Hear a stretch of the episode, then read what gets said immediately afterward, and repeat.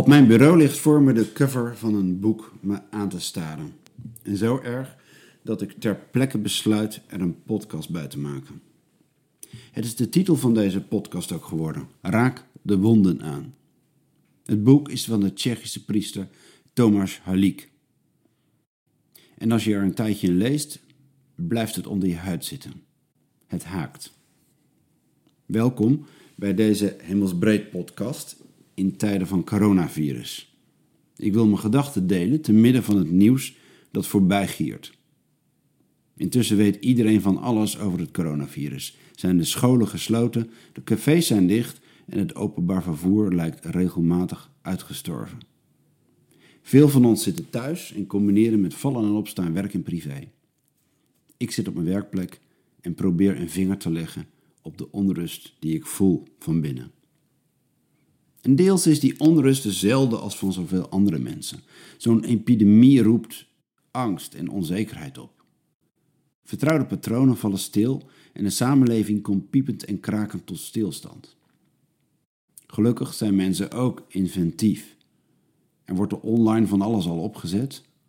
Allerlei hulp wordt aangeboden via social media. In Amsterdam is de website voor elkaar in Amsterdam.nl gestart om vraag en aanbod bij elkaar te brengen. En zo is er veel meer. En intussen streven we ook nog naar zoiets als sociale onthouding.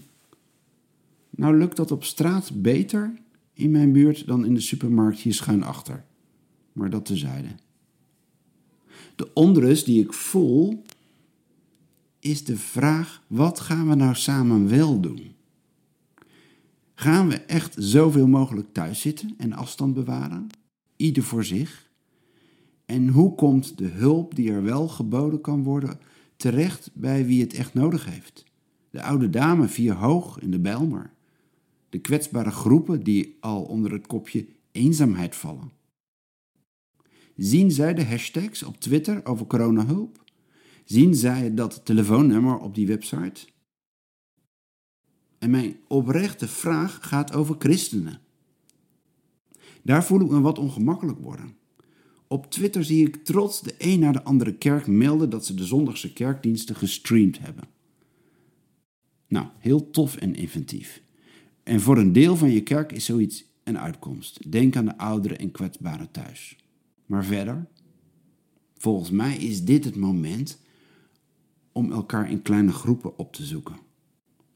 Maar dat is nu niet verstandig, zo lees ik links en rechts want we moeten doen aan sociale onthouding.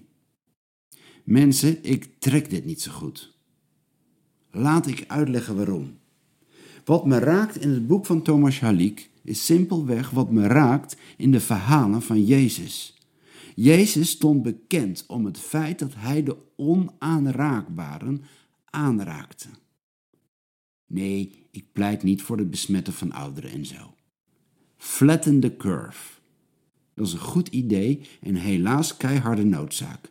Maar de vraag die in mijn hoofd blijft rondzingen: wat deden de christenen in andere tijden?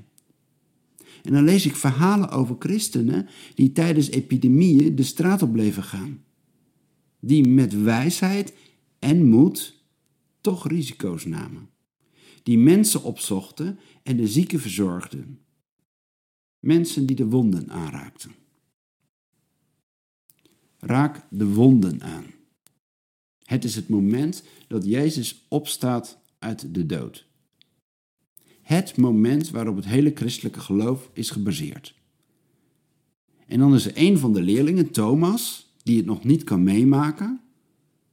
En dan komt Jezus naar hem toe en geeft hem de kans van zijn leven met deze woorden: Raak de wonden aan en geloof. Je leest het in Johannes 20. Zo is de God waar we mee te dealen hebben, mensen. Als we ook maar een beetje gelovig zijn. Dit is de God van de wonden, van de gewonde mensen, van de kwetsbaren, van de eenzamen. Halik zegt in zijn boek ergens: Ik geloof niet meer in een religie zonder wonden.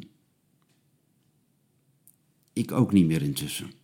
En dat maakt me onrustig.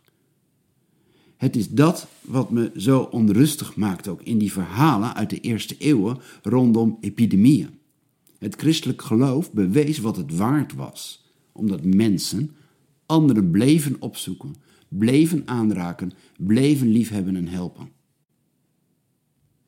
Volgens mij staan jij en ik voor een enorme uitdaging. We moeten twee dingen tegelijk gaan doen. Afstand nemen van allerlei gewoon sociaal verkeer om te voorkomen dat we ook de kwetsbaren in gevaar brengen en de ziekenhuizen het niet meer aankunnen. En tegelijk zoeken naar manieren om alsnog de ander op te zoeken. Hulp te bieden waar nodig. Samen te bidden en niet alleen online. Ook gewoon in kleine groepjes. De huiskerk is al vaker veel vitaler gebleken dan die grote lompe structuren waarmee wij vandaag vaak kerk zijn. Raak de wonden aan. Het was ooit een moment van de waarheid. Hier is de echte Jezus. Volgens mij is dat nu weer zo. Dit is de kans op nieuwe manieren met elkaar verbonden te raken. Nog dieper, nog liefdevoller, nog echter. Even zonder grote instituties, want die zijn gesloten. Nu komt het erop aan, gewoon dicht bij huis, op duizend manieren. En dat is wat ik de komende tijd met hemelsbreed wil bedenken en wil gaan doen. We zijn klein, maar volgens mij kunnen we dit. En tegen anderen zeg ik: ik zeg niet dat je moet stoppen met streamen. Ik zeg wel: bedenk nog iets beters alsjeblieft. Laten we niet alleen gaan zenden. Jij en ik moeten onszelf volgens mij ook laten zenden. Gewoon, van mens tot mens, hoe dan ook. Ga maar eens creatief elkaar opzoeken en nadenken. Gezonde mensen kunnen prima elkaar opzoeken in kleine groepen. Om echt te bidden om herstel en uitkomst in deze crisis. Om plekken van hoop te bieden. Om met andere ogen naar je buurt te gaan kijken.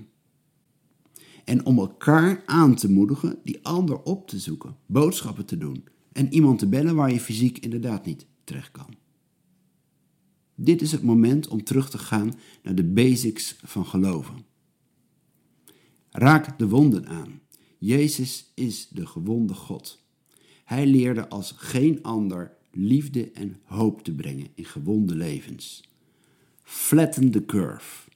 Maar laat die lage curve dan wel gevuld blijven met liefde. Laten we vooral liefde gaan streamen. Ik wens je alle creativiteit en lef toe om daar de komende tijd vorm aan te geven.